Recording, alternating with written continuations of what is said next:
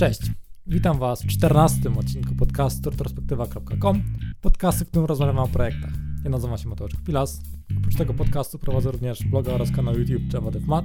Dzisiejszym gościem jest Piotr Jankiewicz, znany również jako Spetsu, programista z Krakowa, który przy okazji wyciska 145 kg na klatę albo wykonuje przysiad tylny 3 razy 200 kg. I takie intro nie jest tylko ciekawostką odnośnie, odnośnie Piotra Jankiewicza, ponieważ projektem dzisiejszego odcinka jest e, projekt Fortitudo, taki zaawansowany planer treningowy, więc widzimy tutaj, że no jest kolejny taki przykład, że osoba, która tworzy jakiś projekt, sama jest również użytkownikiem, więc wie jakie są potrzeby takiego produktu. W odcinku porozmawiamy sobie jak zawsze o technologiach wykorzystanych w projekcie, jaki jest za tym wszystkim plan biznesowy, jak to ma zarabiać, jak to reklamować, pomysły jak to reklamować, no i trochę o błędach w projekcie, co by było zrobione inaczej, gdyby teraz zaczynali z projektem od zera. I endorse this event or product. Sponsorem odcinka jest mój projekt IT Startup Karciana, takie połączenie gry typu UNO z mechanikami rodem z Magic the Gathering. Zagrywamy tam programistów, którzy budują projekt, wzmacniamy ich wiedzą i podkładamy sobie pracowników działem HR i by było ciekawie, możemy również podkładać świnie konkurencji. Szczegóły projektu możecie sobie sprawdzić pod itstartup.pl. Aktualnie trwa akcja crowdfundingowa projektu, na której zebrało się już ponad 40 tysięcy złotych.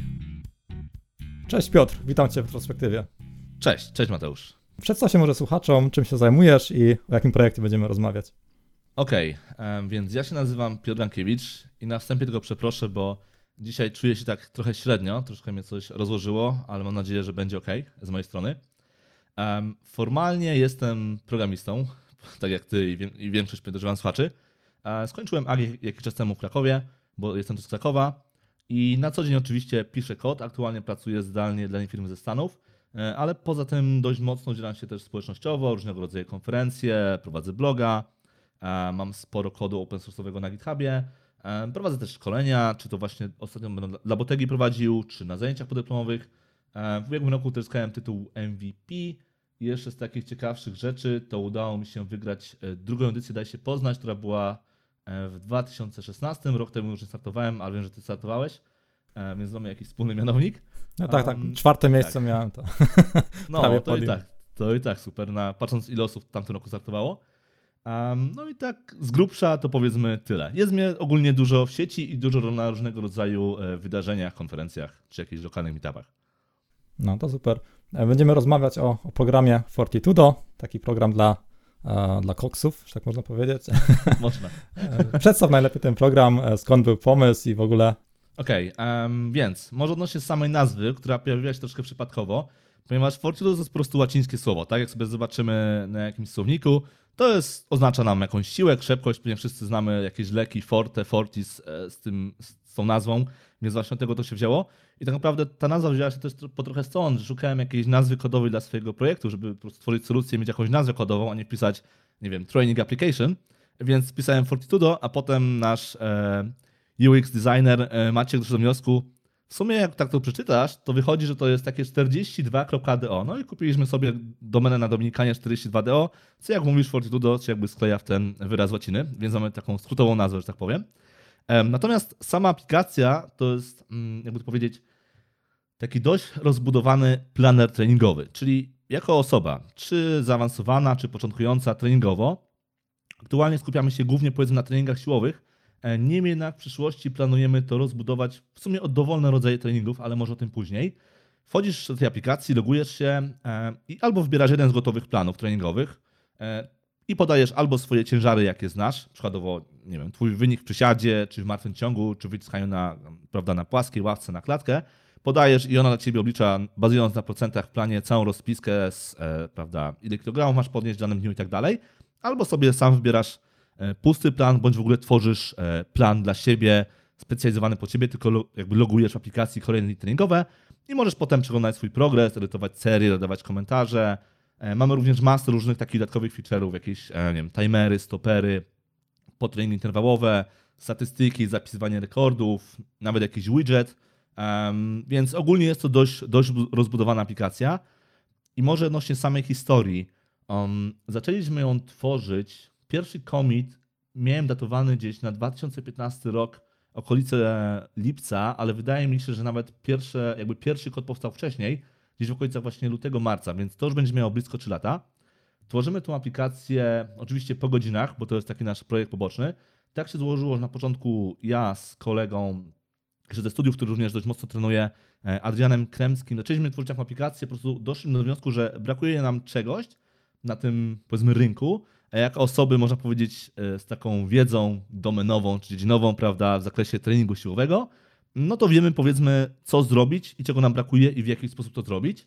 E, I potem jeszcze po jakimś czasie e, dołączył do nas właśnie Maciek Zając z Warszawy, który jest od UI-a UX-u. Mamy teraz całkowicie nową wersję UI-a od około miesiąca. I jeszcze Mariusz Pruszyński z Warszawy, który tworzy aplikację e, webową. Więc taki jest podział, powiedzmy, na rolę. I tak wygląda w skrócie historia tego projektu. Mhm, czyli jest to aplikacja webowa, jest wersja mobilna na Androida i pewnie jest tam sporo backendu, bo z tego co kojarzę jesteś głównie backend developerem i pewnie tam tego sporo jest. Tak, tak. Ja jestem takim full stackowcem jeszcze z DevOpsami, bo w sumie to lubię robić, ale nie ukrywam, że jednak najbardziej mnie cieszy e, backend i ewentualnie trochę DevOpsów. E, jeżeli chodzi o weba, to też zrobiłem sobie tam panel webowy, dodatkowo taki administracyjny. I czasami piszę jakieś aplikacje rozbudowane w JavaScriptie, niemniej jednak nie ukrywam, że wolę, wolę się zajmować stricte backendem i tego typu rzeczami okay, czyli dobrze trafiłem. To przejdźmy teraz może do, do, do technologii, e, gdybyś ten temat rozszerzył. Technologie mhm. wykorzystane w projekcie, co tam za co odpowiada. Jasne, to może zaczniemy od e, drugiej strony. Jeżeli chodzi o platformę mobilną, to mamy Androida i Adrian pisze akurat w Kotlinie. Jakiś czas temu przerzucił się na Kotlina e, i go dość mocno zachwala, więc to jest ze strony Androida. Powstawała również aplikacja na iOS-a, ale z pewnych przyczyn trochę losowych musieliśmy ją wstrzymać, więc na ten moment jest tylko Android. Niemniej jednak wierzymy, że iOS powstanie. Jeżeli chodzi o aplikację webową, e, to mam opisane w frameworku takim typowo SPA, czyli Single Page Application. E, I akurat tutaj używamy Aureli.js. W sumie wybór padł, znaczy trochę też tak na zasadzie e, gustu, bo ja pisałem kiedyś jeden większy projekt um, i jakoś zacząłem w tym pisać aplikację webową, potem dołączył właśnie Mariusz, jakby zaczął to rozszerzać i na tym stanęło. Um, framework jest całkiem, całkiem fajny. Mam ciężko powiedzieć, czy zostaniemy przy nim do końca, czy nie, ale na tym momencie sprawdza, więc Android z Kotlinem po stronie mobilnej, czyli jakby natywnie. Ja ogólnie jestem zwolennikiem raczej pisania aplikacji w języku natywnym niż takich cross-platformowych powiedzmy na te e, urządzenia mobilne. Od strony web mamy oczywiście SPA, czyli w tym przypadku framework Aurelia.js i od strony backendu, czyli tej mojej, to już jest stricte C Sharp i .NET, a tak naprawdę .NET Core, bo w sumie w Core siedzę już prawie blisko dwóch lat i tak naprawdę nie tyle co przepisałem e, pełnego .NET na .NET Core, w sensie backend, tam było po prostu dodanie projektów, po zmianie paru bibliotek i wszystko zaczęło działać. No i tak wspomniałem właśnie C Sharp, .NET do strony backendu, czyli całe to API e, i cała ta logika biznesowa. Tak jest podział technologiczny, czyli jakby szczególne technologie. No to super. To może jeszcze trochę wspomnę, bo hmm. mówiłeś o tych, że wolicie te natywne, e, że właśnie to, to dużo osób nie rozróżnia, właśnie nie, nie, nie, mówię teraz, że ty, ale właśnie dużo słuchaczy, że jeżeli mówimy o natywnej aplikacji, to niekoniecznie, niekoniecznie musi to być pisane e, tak po prostu na jedną platformę, bo są takie technologie jak na przykład LibGDX, z którym dość kiedyś sporo siedziałem, że mhm. piszemy niby w jednym języku jeden projekt, ale później kompilujemy jakby natywnie na daną platformę, że jest coś takiego jak multiplatformowe e, pisanie, gdzie jest jakby aplikacja, to jest tylko tak naprawdę WebView, że jest to webowo i później jest to natywnie na różne platformy ten WebView tylko kompilowany, a jest takie pisanie multiplatformowe jakby, że mamy raz ten core i później mamy jakby trochę, trochę, trochę kodu źródłowego specyficznego pod platformę i to jest jakby też aplikacja na tyle szybka, że ona jest natywna, ale nie jest pisana osobno, nie jest każdy projekt osobno pisany, że to warto tak wspomnieć jako ciekawostkę właśnie. Tak, tak. Znaczy ja powiem tak, bo oczywiście są te frameworki, jest Ionic, tam Apache Cordova, jest Dotnecie Xamarin, jest React Native, tego typu rzeczy i to się sprawdza, ale spotkałem się już z opiniami różnych osób, które to stosowały i w momencie, gdy jest do zrobienia coś bardziej zaawansowanego, czy nie wiem, czy jakieś animacje wypasione, czy tego typu rzeczy, to jednak część osób twierdziła, że koniec końców decydowali się na rozwiązania natywne stricte, bo po prostu niektóre frameworki przy tym wymiękały. E, nie wiem, jak to było na przypadku na React Native'a, czy Zamarina, czy też tak jest, czy nie, ale tak czy inaczej, skoro na przykład Adrian jest stricte natywnym deweloperem androidowym, no to głupotą było pisać to w cross-platformowości, prawda, przykładowo dla mnie czegoś nowego, bądź szukać dewelopera stricte po to, więc po prostu tak zostało i, i wszystko, wszystko działa jak należy. No, tu się zgadza, na pewno takie właśnie multiplatformowe rzeczy mają spore ograniczenia, ale też można sporo zyskać, trzeba po prostu no, wyważyć, nie? Co, co chcemy osiągnąć dokładnie. Do jakiegoś typowego cruda, chyba zbudowanego jak najbardziej ok. Ale do czegoś takiego mega bardzo customowego, to mi się wydaje, że natywne są jeszcze niedoścignione. Tak, dokładnie. To teraz przejdźmy do kolejnych rzeczy. Mhm. Czy projekt e, coś zarabia i jaki jest generalny model biznesowy, który tam sobie wymyśliliście? Okej, więc historia jest taka. E, Po blisko trzech latach pracy, jak wspomniałem, oczywiście to była praca po godzinach, raz ich było więcej, raz mniej, raz się znaleźliśmy po kilka godzin dziennie i weekendy, raz były przerwy po kilka tygodni. E, Koniec końców doszliśmy do wniosku, że pasuje zrobić e, jakąś wersję premium, tak? Czyli pomyśleć, w jaki sposób na tym zarobić. I zanim oczywiście zrobiliśmy wersję premium, to postanowiliśmy, że nie zrobimy tego na zasadzie takiej, że na przykład ja mam powiedzmy swoją działalność jednoosobową gospodarczą i na przykład ja wezmę na siebie cały ciężar podpięcia tego jakiejś płatności, tego typu rzeczy, jakby wszystko będzie szło przeze mnie.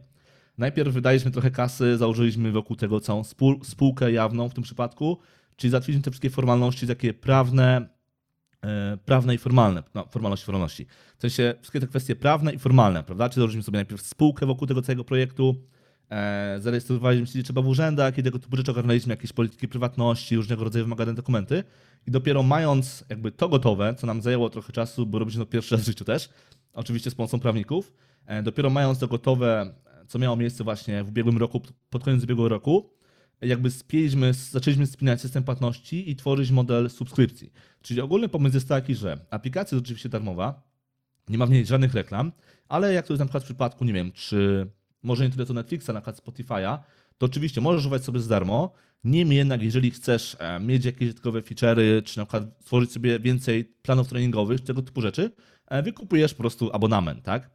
I tak naprawdę jakby tą wersję premium wydaliśmy może niecały miesiąc temu i podejrzewamy, że jeżeli zaczną się jakieś płatności pierwsze, e, to pojawią się dopiero za jakiś czas, powiedzmy ludzie wykorzystają tam swoje dostępne limity w tym planie trial darmowym, ale muszę pochwalić, że około ty- tydzień temu mieliśmy pierwszego, jakby pierwsza osoba z zagranicy kupiła naszą subskrypcję, e, która aktualnie wynosi, mamy trzy regiony, czyli mamy jakby region na Stany, to jest jakby na ten moment 5 dolarów, region na taki europejski to jest 5 euro i region polski, czyli 10 zł jakby miesięcznie i mamy pierwszego klienta z zagranicy, który za 5 euro kupił miesięczną subskrypcję.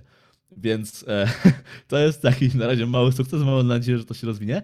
Niemniej jednak model biznesowy to jest przede wszystkim model subskrypcji oraz druga kwestia, nad którą pracujemy aktualnie, to chcemy zrobić swojego rodzaju taki powiedzmy marketplace, czyli e, stworzyliśmy możliwość, ponieważ tej aplikacji, poza tym, że oczywiście te plany możemy generować, tam też trochę się namęczyłem, stworzyłem jakby taki własny, powiedzmy prosty język tekstowy, bo często jest tak, że albo masz rozpiskę planu, treningowego powiedzmy w Excelu jako skoroszyt, albo jakiś, nie wiem, notatnik, prawda? I sobie tam zapisujesz ciężary.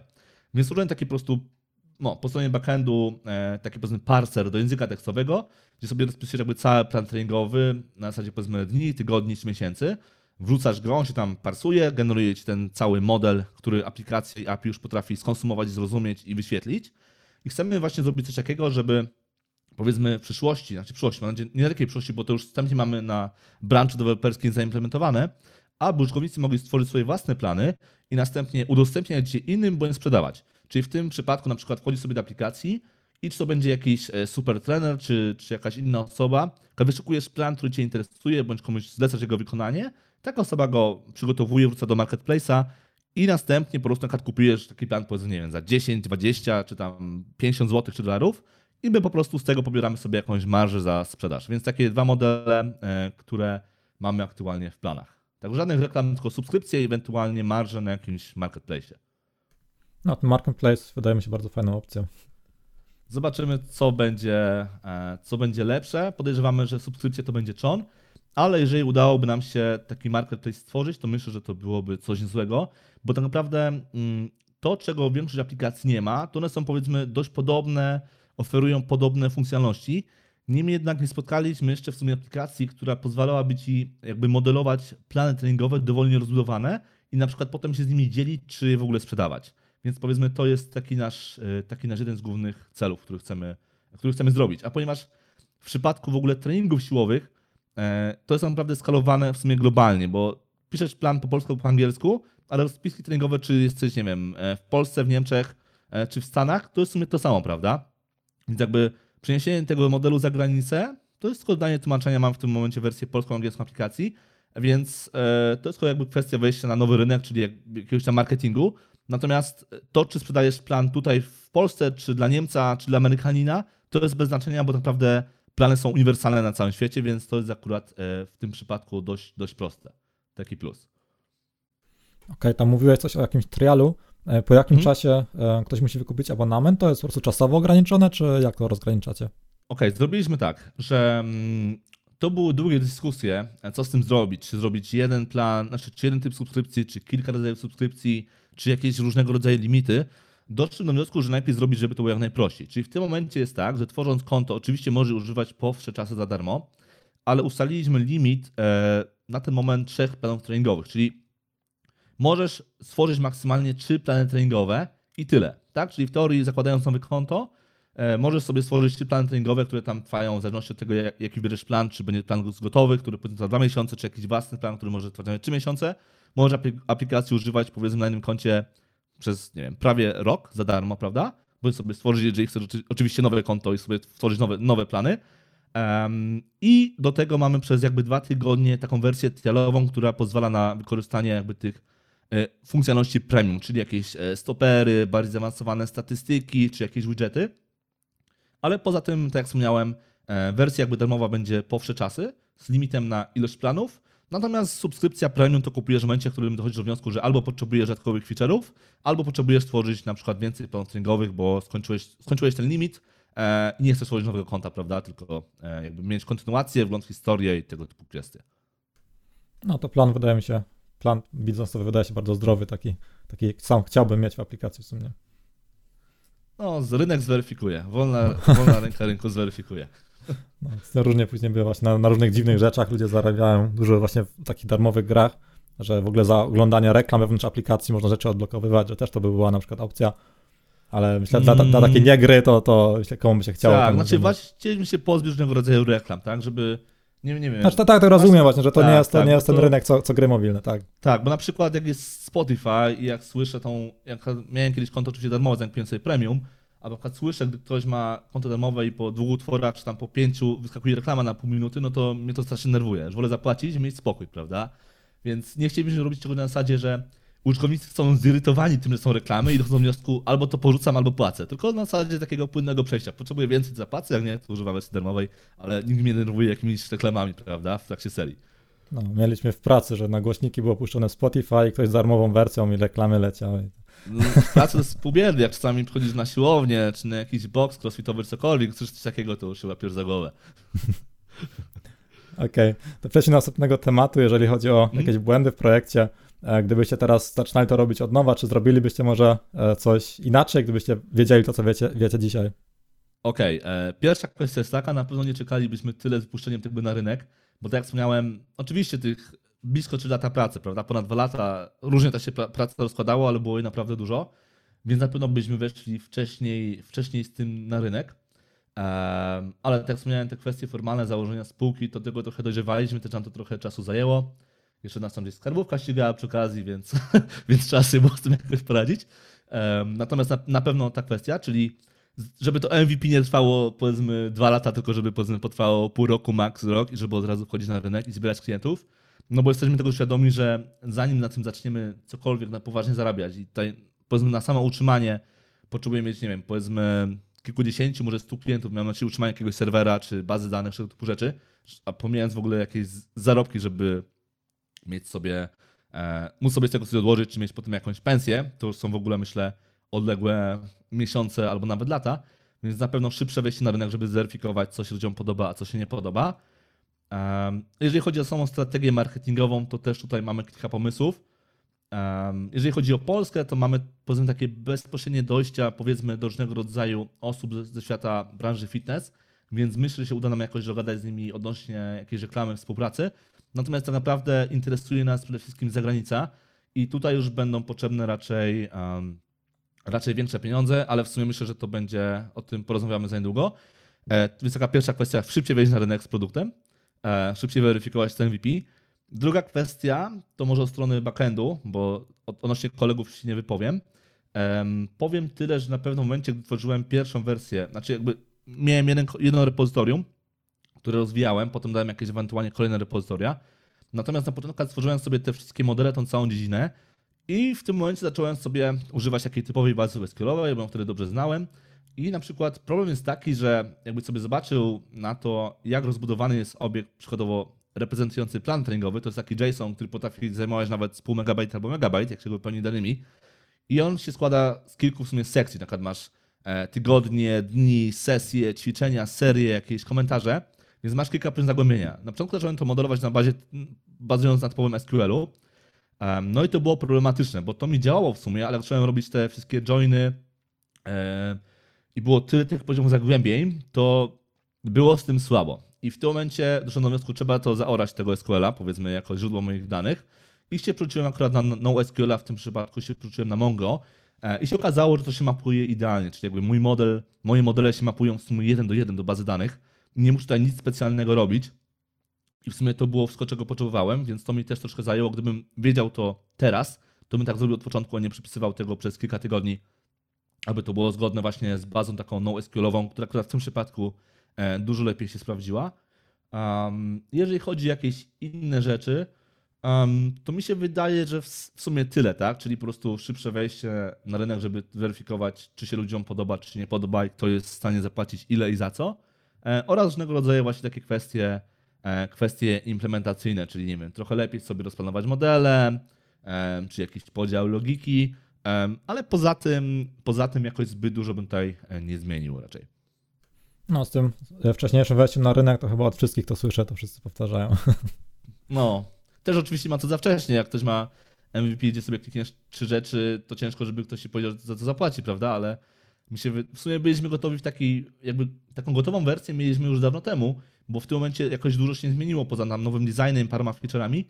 No ale mówię, te kwestie formalne, po prostu nie chcieliśmy tego robić tak na łapu capu, czyli a, ja sobie podepnę na siebie tej płatności, um, wszystko super, a potem się okaże, że nie wiem, może jakimś cudem projekt e, zyska duży ruch, zainteresowanie i potem weź, przepinaj płatności na spółkę, ogarniaj sobie prawników, gdy przychodzi jakiś potencjalny inwestor, jakby wyszliśmy od tej strony takiej może trochę bardziej, bardziej dojrzałej, się okaże, czy to było dobre, czy nie, ale powiedzmy mamy chociaż to zaplecze formalno-prawne już za sobą. Więc to też było trochę uciążliwe. Zresztą gdzieś słyszałem historię, że ludzie w ogóle zaczynali od tego, że wrzucali jakąś prezentację na YouTube na temat jakiegoś pomysłu, to gdzieś szarowali na grupach facebookowych i tak w ogóle sprawdzali, czy jest zainteresowanie przed w ogóle napisaniem linijki kodu, że tak też można. Znaczy, u nas to akurat było tak, wrzuciliśmy potem e, jakieś linki na jakieś grupy, żeby ludzie potestowali, ale nic poza tym, ale to już mieliśmy coś, co naprawdę działo, powiedzmy po roku prac, a nie tak, że wrzucimy prezentację, e, czy jakiś tam napiszemy white paper, czy parę slajdów i tyle, bo to, nie wiem, ja osobiście bym, nie wiem, czy coś takiego bym był skory, skory chętny testować, bo w sumie dostałbym tylko jakieś slajdy do wyklikania i w sumie nic poza tym, więc ja potrzebuję mieć gotowy produkt, żeby go sobie pomacać albo poklikać. Nie wiem, jakie ty masz zdanie, ale możesz No też jestem komuś takiego sprawdza, zdania, ale- też, te, też wolę jednak, by to jednak jak już działało, albo po prostu słyszałem, że były takie podejścia, że tak też niektórzy robią. No, więc mam, mam właśnie takie samo założenie w tym przypadku, więc Mhm. Tam mówiłeś już o wrzucaniu na grupy facebookowe, to teraz może przejdziemy do kolejnego punktu, właśnie jak, jak planowaliście zdobywać ruch e, na takim projekcie, na takiej aplikacji i ewentualnie jak, jakie były tego efekty i jak planujecie to reklamować w przyszłości. Okej, e, więc tak jak zahaczyłem trochę ten temat wcześniej, na ten moment nie kreowaliśmy tego nic na poważnie. Uczyliśmy info na jakichś paru grupach facebookowych, typu e, jedna jakaś startupowa, jedna jakaś programistyczna, jakaś tam grupa treningowa, e, więc po prostu nie reklamowaliśmy tego jeszcze nigdzie na poważnie, bo doszliśmy do wniosku, że za reklamę się weźmiemy dopiero mając tą wersję premium, czyli naprawdę dopiero teraz będziemy o tej reklamie myśleć, bo wcześniej było większego sensu. No ale tak czy inaczej, e, tam na głównej stronie mamy E, Statystyki na dole jest ponad 2000 użytkowników zarejestrowanych. Oczywiście aktywnych jest dużo mniej, niemniej jednak tych kont było całkiem sporo. Jakaś tam lista mailingowa istnieje, więc zawsze można e, troszkę maili powysyłać, aby ewentualnie przyjąć tych użytkowników, którzy są nieaktywni. Więc bez takich reklam mi się wydaje, że jest całkiem, e, całkiem ok efekt. E, I też było fajne to, że nawet e, trochę osób z zagranicy tego zaczęło używać. Mm, Ciężko powiedzieć, w jaki sposób nas znaleźć, po prostu wyszukując aplikację w Google Playu, czy może dowiadując się jakoś po znajomych. No ale było trochę opinii takich miłych z całego świata, że aplikacja się ludziom podoba, więc też nas to trochę powiedzmy podbu- podbudowało. Natomiast jeżeli chodzi o to, jakie mamy plany, to tak jak wspomniałem, e, mamy powiedzmy takie dojścia, czyli jakby bezpośrednie my sami, czy przez naszych znajomych do różnego rodzaju osób trochę z branży fitness e, w naszym kraju, całkiem, całkiem znanych. Niektórych trenerów znam osobiście, niektórych trenerów znają koledzy, więc myślę, że uda nam się troszkę porozumieć na zasadzie e, potencjalnej współpracy, czy na przykład po prostu zapłacimy za reklamę, czy dojdziemy do wniosku, że może, nie wiem, e, jakiś program afiliacyjny, czy sprzedaż planów, cokolwiek innego. Więc mm, to będzie na pewno, jeżeli chodzi o Polskę, taki model będziemy testować, ale nie będę ukrywał, tutaj nie chcę nikogo urazić rzeczywiście, że no, pro, Polskę jakby traktujemy trochę jako taka, taki sandbox, piaskownicę. Znaczy mam na myśli to, że no, to jest chyba trochę jeszcze w naszej mentalności, że nie wiem, ja znam przypadki osób, które naprawdę zarabiają dobre pieniądze, nie mówię, że w branży IT, a i tak dalej potrafią się składać w grupie znajomych na Spotify'a, żeby zaoszczędzić tam te 5 zł. Więc mi się wydaje, że trochę u nas jeszcze to, że jakby nie lubimy płacić za usługi online, tak? Czy, czy Spotify'a, czy Netflixa, czy innego usługi. Więc um, bardziej traktujemy ten kraj na zasadzie takiego rynku, żeby potestować, co się sprawdzi, a co nie. Ale docelowo będziemy chcieli z tym e, wyjść za, za granicę po prostu. Bo tam ludzie są dużo, dużo bardziej skorzy za takie usługi płacić. Um, co widać zresztą po tym pierwszym kliencie, który akurat był, był za granicy. No tu w pełni potwierdzam to, co mówisz. Też pamiętam, jak e, koledzy z pracy tam masowo zdawaliśmy jakieś tam certyfikaty Javowe. To chyba 20 osób się zrzucało, żeby kupić testy w ogóle do tego No, certyfikatu. tak, to tak. jest masakra. I, każdy i to 5 zł niezależnie od tego, tak, czy jesteś programistą 15K, czy nie, to, to jest coś po prostu takiej naszej mentalności, że jakoś tak, takie kombinowanie, tak? Czyli jak nie muszę zapłacić 5 zł, to może zapłacę 5 zł, bo się rzucę 10 osób, chociaż to może jest legalne, może nie, ale wolę pokombinować, tak? To jest tak w naszej naturze. Mi się wydaje, że to jeszcze trochę czasu minie, zanim to będzie dla nas takie naturalne. Okej, to zakończyliśmy temat reklamowania i marketingu, chociaż Mhm. jeszcze jedna rzecz mi się przypomniała. Chciałem wam e, tak, tak, tak, jako, jako taką radę, co mi przyszło do głowy. Właśnie dużo, dużo ruchu zdobywałem do mojej aplikacji e, muzycznej, którą kiedyś tam robiłem. Jak na, na Reddicie, na subredditach, e, właśnie o teorii muzyki, takie różne subreddity są. E, I jak tam po prostu opisywałem, że taką aplikację stworzyłem, jakąś tam darmową wersję, to bardzo dużo osób właśnie pobierało, jeszcze wersję premium im pobierało, że wrzucałem jeden post i na przykład 40 wersji w ogóle premium za parę, parę dolarów się sprzedało, że Wow. myślę, że Reddita możecie na pewno rozważyć. Tak, to, jest znaczy ja ogólnie, e, ogólnie Rita używam głównie do subredditów programistycznych. E, Też rzuciłem o tej aplikacji naszej na jakieś dwa, trzy subreddity treningowe. Dam tylko kilka głównych, jest tam jakichś bardziej specjalizowanych e, tydzień temu. No i też tam zarejestrowało się ponad 100 użytkowników w ciągu w sumie jednego dnia z zagranicy, więc całkiem spoko wynik. Natomiast mi się wydaje, że jeżeli chodzi o taki naprawdę duży ruch, to trzeba mieć jakiś taki bardziej chwytliwy, chwytliwy trochę temat. Em, No ale to też jak, najbardziej do, do przemyślenia, bo też dochodzę do wniosku, że doszedłem do wniosku dawno temu, że jeżeli chodzi o promowanie swoich treści, to Reddit jest super. Reddit, a już w ogóle nie wspominam o Hacker Newsie. Tak, tak, też kiedyś na Hacker Newsa się dostałem i w ogóle to, to mi chyba Tak, tak. 5 to jest tysięcy kosmos. unikalnych odwiedzin mi to przyniosło, masakra. No, też tak kiedyś miałem, więc No, to tylko chciałem o tym wspomnieć właśnie dla słuchaczy, tych, którzy słuchają, że jak reklamujecie jakieś właśnie swoje apki czy coś, jeżeli to jest to tematyczne, to ba- bardzo warto właśnie szukać subredditów tematycznych i tam wrzucać Mhm. rzeczy. Naprawdę Albo- fajne efekty mogą być. Albo też można pomyśleć, że jakieś reklamy na wykopie, bądź zrobić jakiś e, ha hashtag rozdają i coś zareklamować w ten sposób. Też Znaczy tak, to, to w Polsce, ale właśnie jeżeli chodzi o dotarcie za granicę, to A, to właśnie tak, tak. to Reddit jest super, nawet ten na- e, 9gag, e, 9gag.com też można No. jakieś gify śmieszne wrzucać, jakiś tak dać w A, tytule, faktycznie, tytuł no. aplikacji i też to też to, też też pomysł. generuje Mhm. ruch. Okej, O to nie teraz pomyślałem. przechodzimy do ostatniego punktu właśnie, e, plany na przyszłość projektu.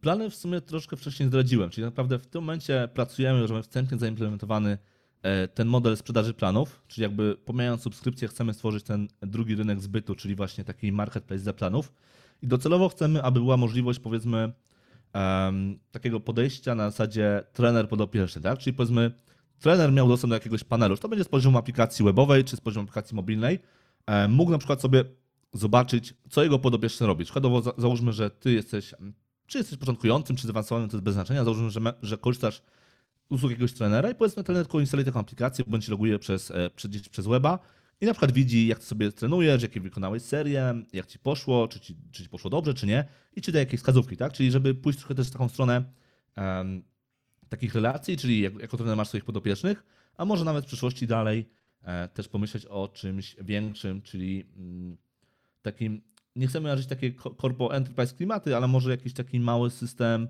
e, typu zarządzanie, zarządzanie z poziomu jakiegoś klubu fitness, ale to jest do przemyślenia. Na pewno taki, e, taki główny punkt po sprzedaży planów to będzie właśnie relacja trener, trener klienci, aby mieć e, wgląd w użytkowników, którzy sobie trenują pod naszym nadzorem. No i poza tym przede wszystkim próba wejścia na rynek zagraniczny, tak? Myślimy teraz też o tym, czy by nie pozyskać jakiegoś inwestora albo wziąć w jakichś konkursach mniejszych na zyskanie jakichś funduszy, nawet nie jakichś wielkich, powiedzmy kwoty rzędu kilkunastu, może dziesięciu tysięcy, to już byłoby super, żeby wpakować w po prostu marketing i wyjść z tym, e, wyjść z tym za granicę. Więc um, taki, taki jest plan, po prostu pozyskać fundusze na marketing um, i zobaczyć, jak to za granicą się rozrusza. No i oczywiście ewentualnie dostęp do jakichś, jak się to mówi po polsku, pięknie, influencerów, którzy mają e, prawda, jakieś tam uznanie i mogą coś takiego zreklamować i nam wygenerować jakiś ruch. Na przykład hardkorowy koksu by mógł was reklamować. Tak, tak, to, to też, ale pomijając już Polskę, właśnie ludzi z zagranicy. Jest trochę osób e, takich uznanych, które mają, którzy mają powiedzmy sporo subskrybentów, czy na YouTubie, czy na innych kanałach, więc takie osoby się dostać, jakoś z nią, jakoś z nią się e, umówić na współpracę, reklamę za jakieś tam konkretne pieniądze, to myślę, że to by było całkiem, całkiem dobre. No ale tak jak mówię, tu już będą potrzebne raczej dużo większe fundusze, także to jest na razie plan za jakiś czas. Mhm. To jeszcze może wspomnę, bo właśnie bardzo podobny projekt był e, w tym podcaście. E, Waiter, też taka aplikacja na siłownię. Mhm. To myślę, jeżeli I na iOS-a z tego co widziałem. Tak, A tak, na iOS-a brakuje. No, jeżeli, właśnie może, może połączycie siły, tak sobie myślałem tak. właśnie, że to, że, że właśnie tak bardziej dla słuchaczy właśnie, jeżeli interesuje was ten temat siłowni, aplikacji, to w ramach uzupełnienia Czy Warto tak. sobie wejść na właśnie retrospektywa.com kośnik 11, 11 odcinek podcastu, tam właśnie rozmawialiśmy też o aplikacji na siłownię, mobilnej aplikacji Waiter, że jeżeli kogoś temat zainteresował, to w ramach uzupełnienia tego odcinka warto sobie to sprawdzić. Tak. Czyli jak macie OS, instalujcie Waiter, jak macie Androida, instalujcie Fortitudo i każdy jest zadowolony. No i super. no, to chyba, chyba poruszyliśmy wszystko, o czym chcieliśmy pogadać. Czy mhm. masz może jeszcze jakieś ciekawostki związane z projektem? Mm, z tym projektem nie. Jeszcze robię sporo innych rzeczy, ale może o tym kiedyś uda porozmawiać innym razem. Natomiast jeżeli chodzi o samą Fortitudo, to w tym momencie mi się wydaje, że to jest w miarę wszystko. Okej, okay, to myślę, że jeszcze będzie okazja, myślę, jestem pewny, że jeszcze cię nieraz zaproszę do podcastu, tyle, tak. tyle rzeczy robisz tak. na uczelni, uczysz. no, człowiek Bywa, orkiestra, tak. Piotr Gankiewicz, polecam. Okej. Okay koniec chwalenia, to będziemy się żegnać. Dziękuję Ci e, za Jasne. rozmowę. Również dziękuję. I do usłyszenia, do zobaczenia pewnie za jakiś czas na jakiejś konferencji. Jasne. No, to hej, trzymaj się, cześć. Dzięki, cześć.